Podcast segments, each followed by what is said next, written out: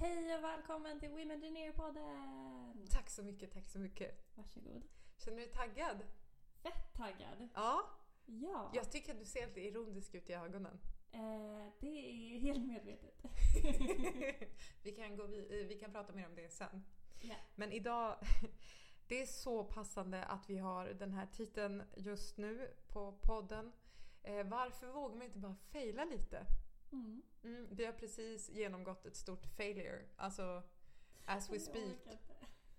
Så att ehm, nu, det kunde inte ha kommit mer lägligt. Nej.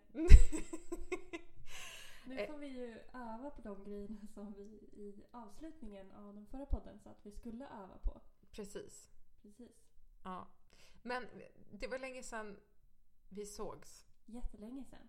Vi har inte setts eller hörts sedan Vetenskapsfestivalen. Precis. Och det var typ i April. april ja. Ja. Ja, Sjukt länge sedan. ja varför, varför har jag haft uppehåll då? Vill du inte träffa mig eller? Eh, nej, absolut inte. Men eh, vi, vi visste ju faktiskt att det här uppehållet skulle komma. Eller vi hade ju en föraning om det. Eh, eftersom att jag exjobbade ju i våras.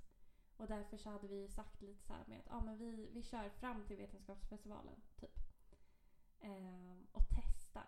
Mm. Känner efter. Ehm, och så här, ja, men vad tycker vi är kul att prata om? Ehm, hur vill vi att den här podden ska vara? Ehm, hur funkar en mikrofon? Nej. Ja, jo men till och med det. Vad har man för inspelningsprogram? Är det någon som ens kommer att lyssna? Vem är det som lyssnar? Vilka är intresserade? Och anledningen till att vi startar podden var ju för att vi Mm. ville skapa en... Vi ville visa på också på Women Engineer att det är okej att bara testa, dra igång någonting. Ja. Sen kanske det går jättebra och sen kanske det inte går dåligt men då har man testat i alla fall och så Mm. får man ta de lärdomarna. Precis. Mm. Så då hade vi ändå tidsbestämt att vi skulle köra till Vetenskapsfestivalen och sen skulle vi utvärdera. Ja. Och eh, vi utvärderade så att vi ska fortsätta. Yay! Yay!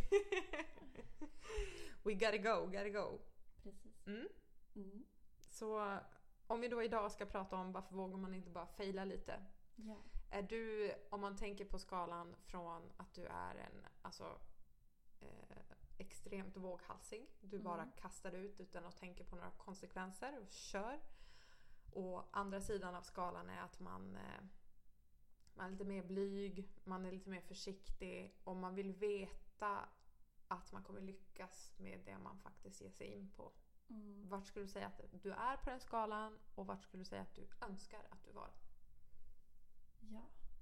Jag tycker att det är en jätte, jättesvår fråga.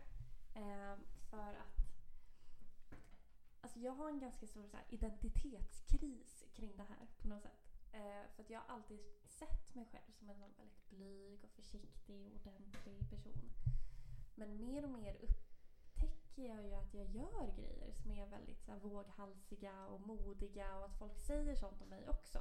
Som att ah, men du är ju så himla modig eller så. Så då har jag ju börjat inse att min bild av mig själv kanske inte stämmer just i det här hänseendet. Eh, vilket kanske då också hindrar mig lite grann från att här, testa nya saker och kasta mig ut.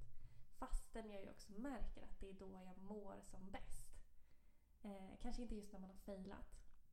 Men den här känslan av att man har ja, men kastat sig ut och testat och det gick bra. Den slår ju allt. Mm. Och känslan av att man har kastat sig ut och testat och det gick dåligt. Den är ändå ofta inte värre än känslan av att sitta fast i startgroparna och inte våga fastän man egentligen skulle vilja. Och så går man och undrar. Tänk om Precis. jag hade gjort det där. Tänk om jag hade sökt det där jobbet. Tänk Mm. om jag hade testat den där grejen. Det är nog en av mina värsta känslor. Mm. Så här, gå och tänka. Tänk om jag hade gjort det här. Mm. Du säger att du är ganska våghalsig då. Har du något exempel på så hur det utspelar sig och vad, vad, vad menar du med det? Ja. Nej, men jag har ju ett ganska färskt exempel eftersom att jag precis har eh, tagit examen och börjat jobba. Mm. Eh, herregud. Eh, Grattis till ditt nya jobb. tack så jättemycket. Mm. Eh, men det är ett, det är ett väldigt... Jag är ju management trainee. Det är väldigt krävande, det är väldigt mycket nytt. Det är väldigt mycket att sätta sig in i, det är jätteläskigt. Eh, men det är ju samtidigt det bästa jag har gjort. Att våga ta det här jobbet. Mm. Ehm, för att jag har alltid uttryckt mig i så tankar om så här, men var vill du jobba, vad vill du göra? Att så här, jag är lite avundsjuk på de som bara nöjer sig med att inte ha en karriär. Men att jag har alltid strävat dit. Men jag har ändå känt mig som att jag är en sån person som borde vara nöjd Mm. Eh, med att bara sitta på något kontor någonstans och ha någon helt vanlig roll och liksom bara vara nöjd med det. Men att jag har alltid känt att jag vill ha någonting annat, någonting mera. Men det har varit för läskigt. Eh, så jag har ju innan så här, när jag sommarjobbat och sånt så har jag ju sökt den sortens roller som jag tror att jag skulle trivas i. Men jag har ju aldrig gjort det. Mhm. Eh, Så du har sökt roller som inte är så utmanande? Ja, precis. Mm. Men då har jag haft skittråkigt. Mm. Men nu sitter jag ju här och har ett jobb där jag så här, kan somna varje söndagkväll med någon form av så här, skräckblandad förtjusningspirr i magen. Och jag är så här, jag vet inte vad jag kommer vara med om imorgon. Jag vet inte hur länge jag kommer jobba. Jag vet inte hur, om jag kommer lyckas eller inte.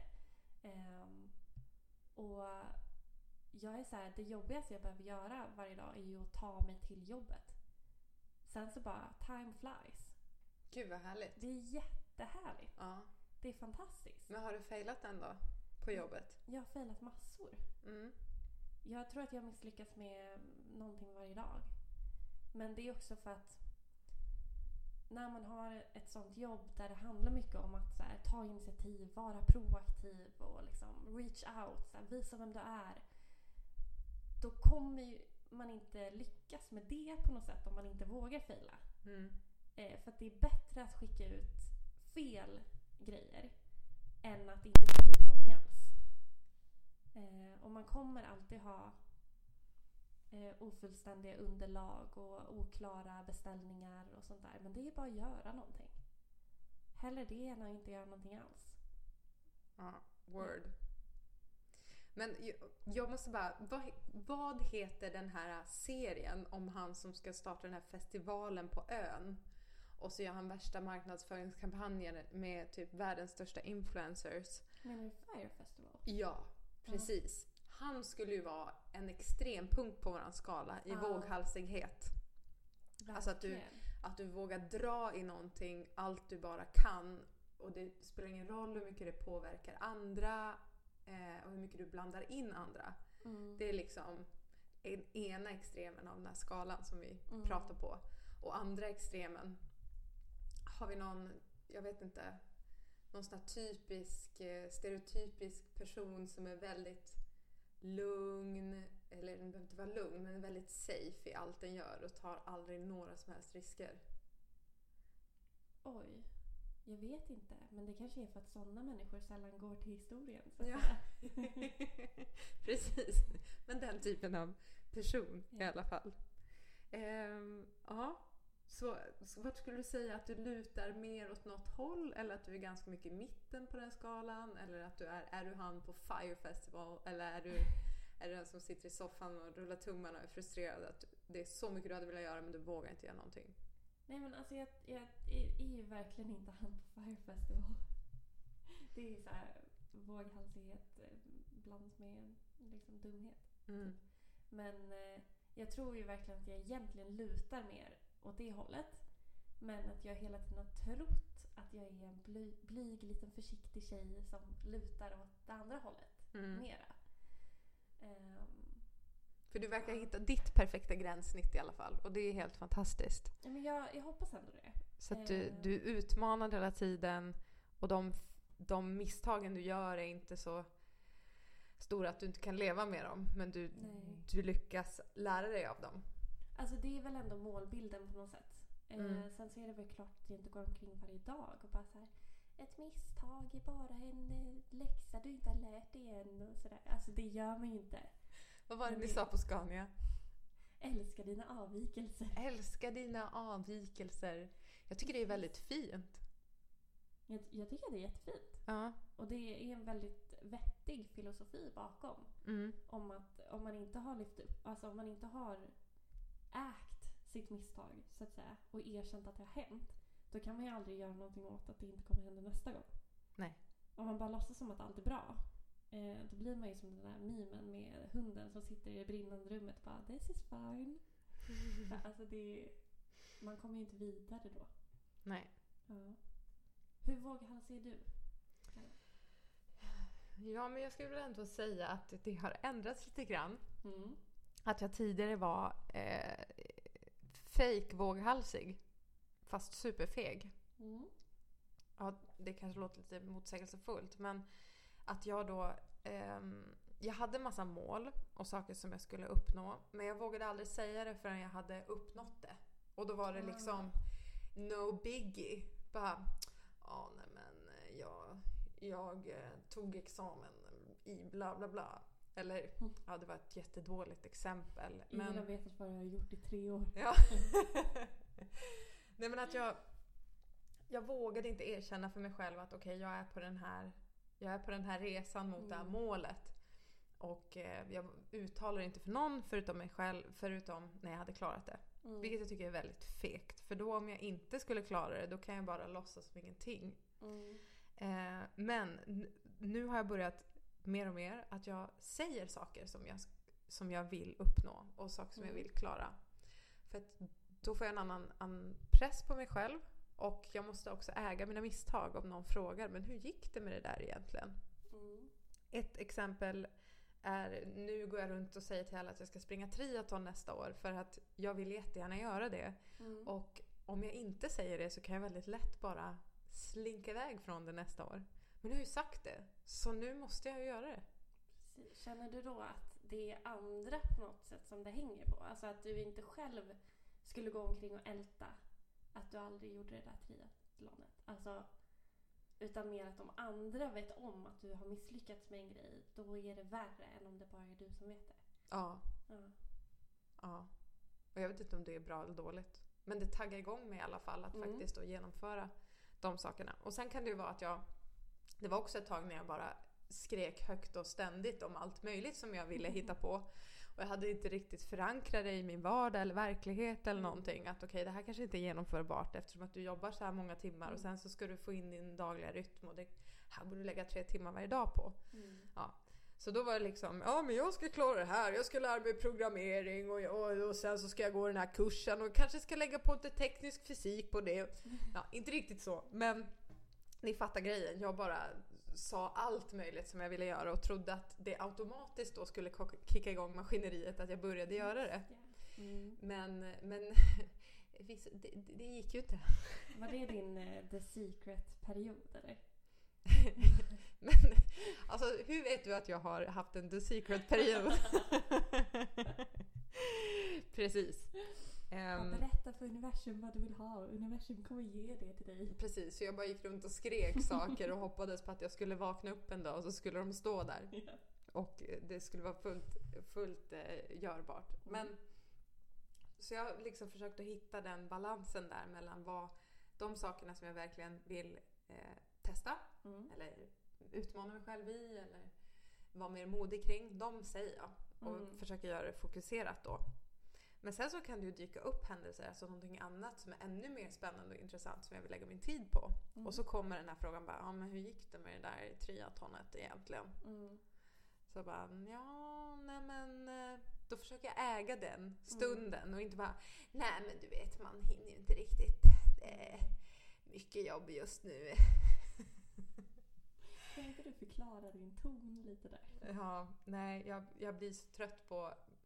Eh, alltså, ibland kommer livet emellan, Mm. men man kan inte ha det som en standardfras, att det är någon slags repeat. Att nej men jag kan inte göra det, för det hinner inte jag. Så bara, nej Mm. men då vill du inte heller nog mycket. Mm. Ehm, men man kan däremot bara ändra på den formuleringen lite grann. Att jo, det är någonting som jag jättegärna vill göra då, Mm. men nu har det här andra dykt upp i mitt liv som jag väljer att prioritera istället. Mm. Så det kanske får komma sen eller så är det bara att nu vill jag lägga min tid på det här. Mm. Och jag har gjort det valet. Precis. Och så bara, ja, det känns inte så farligt när man lägger upp det på det sättet. Mm. Då har man bara omprioriterat sin backlog. Mm. Ja. Men sen kanske man eh, failar totalt. Mm. Typ jag skulle springa Tough Viking. Ja, det här är ju Ja. bara mini, minimi bagatell för andra men för mig var det hela världen. Mm. Och om jag inte skulle klara väggen på Tough Viking så var jag inte värdig. Alltså det, Okej. det var verkligen, Vad är väggen på Tough Viking? ja, jag vet inte hur hög, t- tre eller fyra meter rakt upp och så ska du springa allt du kan och du vet kasta dig upp så du får tag i en, en, en stång Mm. och sen så ska du då kunna dra dig upp och ta dig över den till andra sidan. Ja, det låter som en rimlig lördagssyssla. Ja. Ja, Det är som en ramp som går tre eller fyra meter upp i luften. Mm. Jag vet inte hur långt det är, men det är, det är högt i alla fall. Mm. Och ehm, jag är så nervös för det. Jag är, inte, jag är inte nervös för att jag ska springa 80 km hinderbana. Jag är nervös för att jag inte ska ta mig upp för väggen för det skulle inte göra mig till en värdig atlet. Jag är inte en atlet men jag tränar Mm. väldigt mycket och då, då tycker jag att jag ska ha uppnått vissa resultat. Ja. Alltså en viss hygiennivå så. Ehm, och jag kommer till väggen. Jag är helt slut, alltså verkligen. Mm. Eh, du ska se min hållning på de videosarna. Axlarna hänger ju typ ner vid höfterna. Ja, och det spöregnar. Mm. Så att väggen är väldigt hal. Ja. Och jag bara står där och tittar på den och bara helvete. Så springer min kompis, ramlar. Jag bara okej, nu jävlar. Jag hade liksom köpt nya skor för att jag skulle få fäste. Och eh, tar fart allt jag har uppåt. Och bara kastar upp armen. Och jag är inte ens i närheten på den här jävla stången och bara rullar ner på, på ja, betongen eller vad det var för något. Ont gjorde det i alla fall. Ja, eh, en gång till då. Hur mycket ska man testa? Ja, jag sprang ju, fick ju springa straffrunder. Jag klarade inte väggen. Nej. Och när jag kommer hem så börjar jag gråta. Jag är Mm. helt, helt förstörd. Jag har min medalj, jag har klarat mig igenom. Och jag är värdelös. Helt värdelös. Inte Mm. värdig. och ehm, ja. Sen gick jag in på nätet och kollade att okej, även fast jag fick springa straffrunda så kom jag ändå på plats 40 av eh, 1600 personer. Mm. Och då tänkte jag, då försökte jag att ändra på mitt synsätt att okej, det, ka- det kanske inte var katastrof ändå. Mm. Mm, ja, och så får jag bara springa igen så jag tar mig upp för den där jävla väggen. Ja, men precis. ja, så att det är ju ett failure. Eh, men, men det är ju inte hela världen. Nej. Det kanske blev en lite lång upp, uppläggning här om, om Tough Viking, men ja. har du, kan vi inte, Ja. Bella, har du något failure som du kanske vill dela med dig? Som är lite mer allvarligt än att inte klara väggen på Tough Viking. Det är väl visst allvarligt att inte klara väggen på Tough Viking. Jag skulle aldrig gjort det. Nej men eh, mitt standard failure som jag brukar berätta om i Women sammanhang är väl det här med att jag har failat väldigt, väldigt, väldigt många tentor eh, under min tid på KTH. Eh, bland annat då under första året på civilingenjörsutbildningen. Eh, eh, då, man ska ju klara 60 poäng på ett år. Jag klarade 24. Och det var efter liksom sista omtentaperioden. när Jag liksom hade gjort allt jag kunde på det året. Um, och det gav ju liksom stora konsekvenser. Jag fick ju inget eh, fortsatt CSN och jag fick lägga upp en individuell studieplan. Och det slutade med att jag, att jag gick ett extra år eh, för att liksom bli klar med min examen. Ehm, så det var ju verkligen alltså jätte, jättestort failure. Eh, och det är väl också en sån fail-grej som gör så att många hoppar av eh, ingenjörsutbildningen. Och nu sitter du här med ditt drömjobb. Precis. Och Som en en, examen. alltså det... Okej. I'm very impressed. Det är ju verkligen en... Vilken kämpe du är. Ja, alltså det är ändå... Det vågar jag ändå säga att jag är väldigt stolt över. Mm. Utan att känna att det är så här oklädsamt. Skämdes du på vägen? Alltså jag vet inte om jag skämde. Jo, alltså. Jo, det gjorde jag. Nu, nu är det så länge sedan för jag gick ju så himla länge på KTH. Men eh, jag var alltid så här, ja men särskilt i så här högstadiet och gymnasiet så var jag ju en, en tjej med väldigt bra betyg som inte behövde kämpa så jättemycket för dem. Eh, så då att börja på KTH och fejla totalt, det var ju lite katastrofalt. Men jag hade dels väldigt gulliga kompisar som sa grejer som eh, folk som gör omtent och lär sig mer. Och så hade jag också den här känslan av att jag är ju en estettjej på ett tekniskt universitet. Det är väl klart som fan att jag inte kan allt. Eh, så att det var en helt ny miljö och helt nya ämnen och sådär. Så jag var inte så förvånad egentligen över att det inte gick jättebra. Eh, men det hade väl varit nice att bara glida igenom. Men vem gör det? Kände jag. Eh, så ja, Mm. lite så. Mm. Ja, that's a good... Det är en bra story. Jag ska sluta prata svengelska. Ehm, men om vi pratar failures. Mm. Så jag läste ju inno- Innovation Management som eh, master. Mm. Och då är ju väldigt eh, de uttrycken som man använder och de storiesarna som, som vi oftast pratar om Mm. är ju creative destruction från min guru Schumpeter. Mm. Och jag tycker att det är så himla bra uttryck och det är ju alltså när ett sätt att göra saker Mm. helt och hållet blir ersatt av ett annat. Ja. Och ett jättebra exempel på det är ju när man transport var via häst och vagn Mm. och så blir det flyttat till att istället vara via bil eller lastbil. Mm. Eller att förr så gick man på Blockbusters och hyrde film för att man ville se film. Mm. Men nu så sitter man hemma och tittar på Netflix. Ehm, och en ane- anekdot är lite kul då. Ehm, hemmakväll var ju där vi gick i Sverige och hyrde film. Mm. Och de har ju verkligen lyckats att inte bli creatively destructed.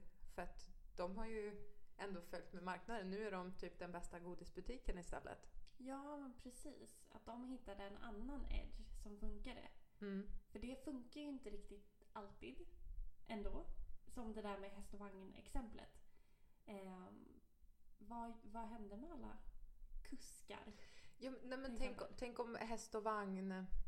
Nej, det är klart, alla som hade häst och vagn kanske inte kan starta en ranch med så här äh, turridning. Ja, eller hur? För att alltså det, det krävdes väl ändå många, många fler hästar då alla använde dem för transport. Mm. Och då blir ju hela industrin kring hästar, alla skomakare, alla sadelmakare, alla, ja men alla som hade med hästar att göra, de var ju tvungna att hitta andra saker ehm, att försörja sig på. När liksom folk började åka bil istället. Mm. Eh, och det krävs väl en annan kompetens för att köra bil och ta fram bilar än vad det... Det är ju en annan grej att mecka en motor och att ta hand om en häst. Mm. Ehm, och det är ju mycket det som creative destruction också handlar om. Att man måste omformulera vad det är för värden som skapas och förmedlas och vad det är för kompetens som behöver skapas för att man ska kunna fortsätta. Liksom. Mm. Och när man pratar om det så brukar man också prata om Kodak Moment och många av er har säkert stenkoll på vad, vad det beskriver. Mm. Men det är väl ett av de, de mest kända företagen som eh, Ja, de hade inte monopol men de var absolut störst i Mm. sin bransch och de skapade så här film, ni vet sån gammal film som man hade på kameror. Mm. Och eh, säkert även kameror. Men sen så kom digitalkameran. Ja. Och de hade ju skapat digitalkameran in-house men deras största inkomstkälla var ju den här filmen som de Mm. producerade.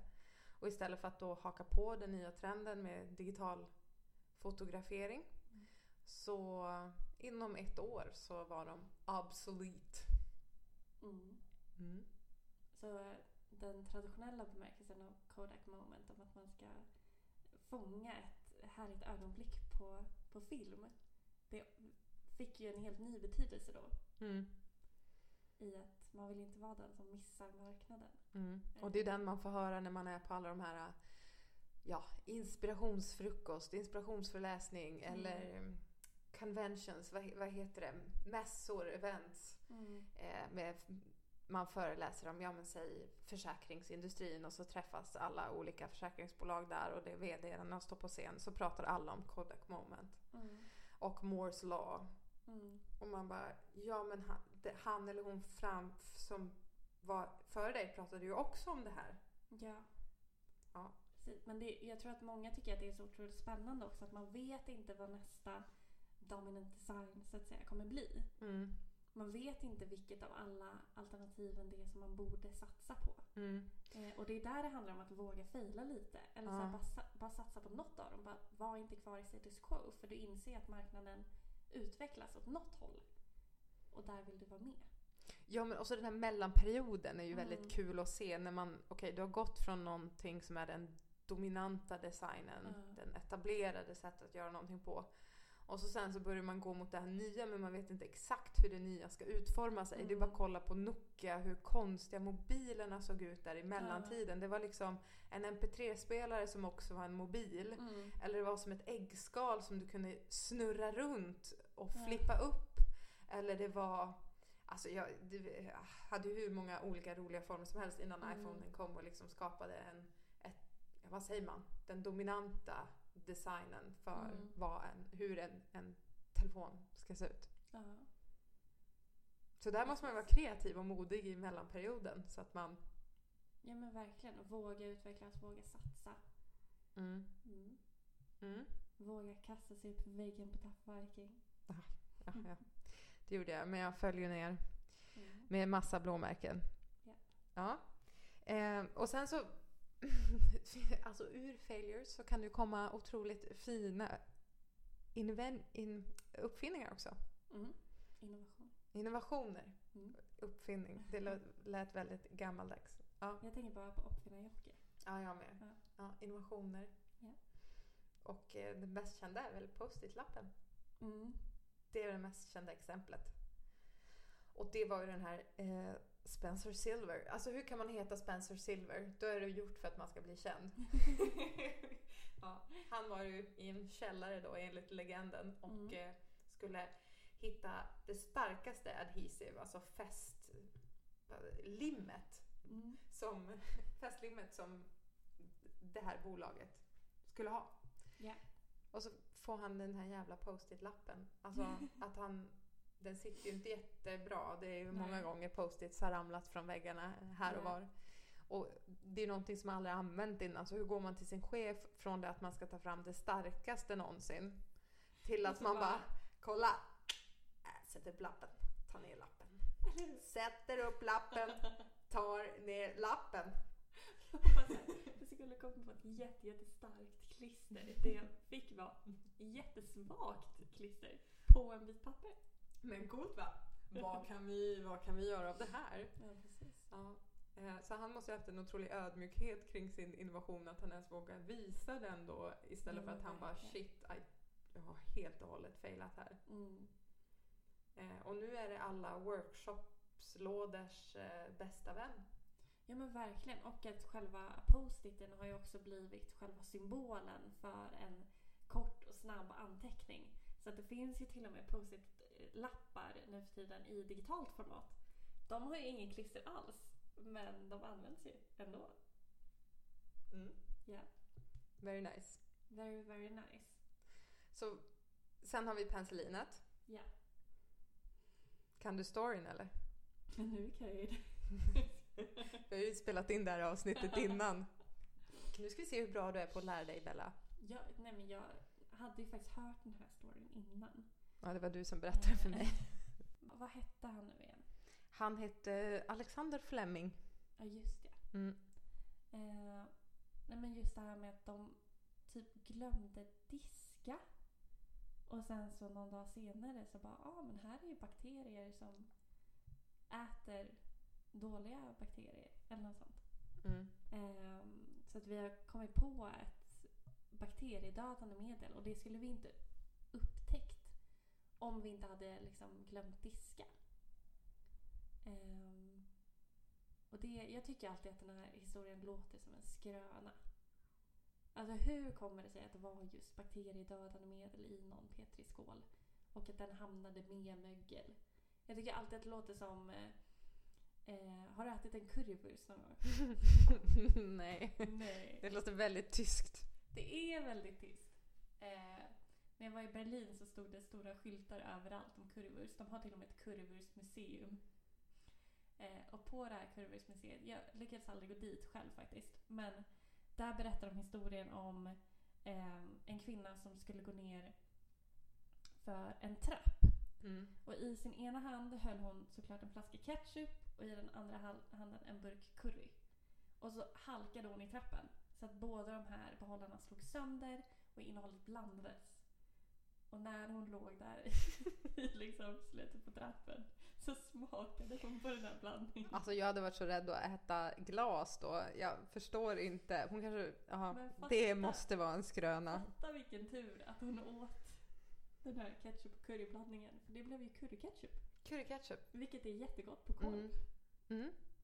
Eh, så ja, det är också Ja, innovation. det är också en innovation gone wrong. Eh, som då sen blev någonting, någonting vedertaget. En annan är ju den här eh, The Slinky, den man hade när man var liten som vandrade ner för trappen och så, som en massa cirklar som satt ihop. Mm. Och så gick den steg för steg. Man hade i regnbågsfärger och man hade i aluminium eller stålfärg och så. Och det var ju då, de här ringarna skulle ju skydda känslig utrustning. Det är så Men ja, sen så råkade han som innovatören då stöta till en och så klättrade den ner för trappen och han tyckte Mm. det såg lite roligt ut för den, alltså den slutar ju inte förrän den Ja. har kommit ner. Så han tog hem den och visade den för frugan och hon bara åh det här kan vi göra en leksak av. Mm. Och nu... Hon var en riktig business mind genius. Mhm, Mhm. mhm. Men det är ändå kul där hur så här prestigelös man måste vara i förhållande till sin... Alltså det är lite det som med post-it-lappen också. Att det var tänkt att bli en grej och så blir det något så helt annat. Alltså från så här, den här ska rädda vår känsliga utrustning och användas ytterst seriöst. Och sen så bara, ah, det kanske vore bättre som leksak. ja, där måste man ha ett väldigt öppet, eh, öppet sinne. Ja, precis. Och bara äga det. Ja. Det gick ju skitbra. Mm. Precis. Undrar om den användes för skyddsutrustning också. Eller om de fick komma på en ny grej där. ja. Mm. Vi kanske får googla lite och se, se vad det blev av det. Jag tror inte det finns någon info kring det. Men Nej. spännande, vi får fantisera fritt. Ja. Så att det vi kan det vi kan dra ur det här är ju lite då att okej, för att ens hitta de här möjligheterna så måste du ha en viss nyfikenhet. Att ens vilja utvecklas eller ens vilja testa någonting. Ja, gud ja. Och sen när du väl vågar göra någonting Mm. så måste du ha en prestige, prestigelöshet kring resultatet. Ja, Så att du inte bara men, nej, men det var ju hit jag skulle komma och så bara okej du kom någon annanstans men vad, vad, kan du, vad kan du lära dig av det? precis. Vad kan man göra av det? Mm. Och också där nästan stadiet mellan att vara nyfiken och att vara prestigelös. Även att vara lite modig eller lite så här, vem kommer bry sig om hundra år? Mm. Eller liksom, vad är det värsta som kan hända? Lite klyschigt men väldigt sant. Ja, det, det är ju det, Ja. känner jag. Vad gör det här om hundra år?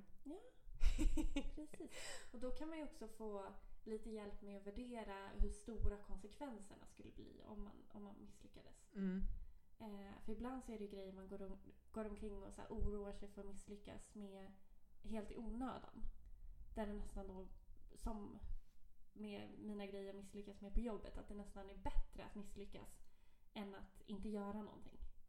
Absolut. Eh, Medan andra grejer kanske snarare borde stannat på en skiss i en byrålåda. Typ som Bicks eh, pennor för kvinnor. Just precis. Ja. Men de kanske lärde sig någonting av det. Ja, precis. Förhoppningsvis. Mm. Förhoppningsvis. Okej, men eh, en annan grej som jag har sett som jag tycker är väldigt kul. Eh, just det här att man ska bli lite mer våghalsig och utmana sig själv i sin vardag. Så kanske det också resulterat i att man vågar utmana sig själv i sitt arbetsliv, i sin karriär eller mot Mm. sina karriärsmål. Och det är Business and Dreams-kontot på Instagram.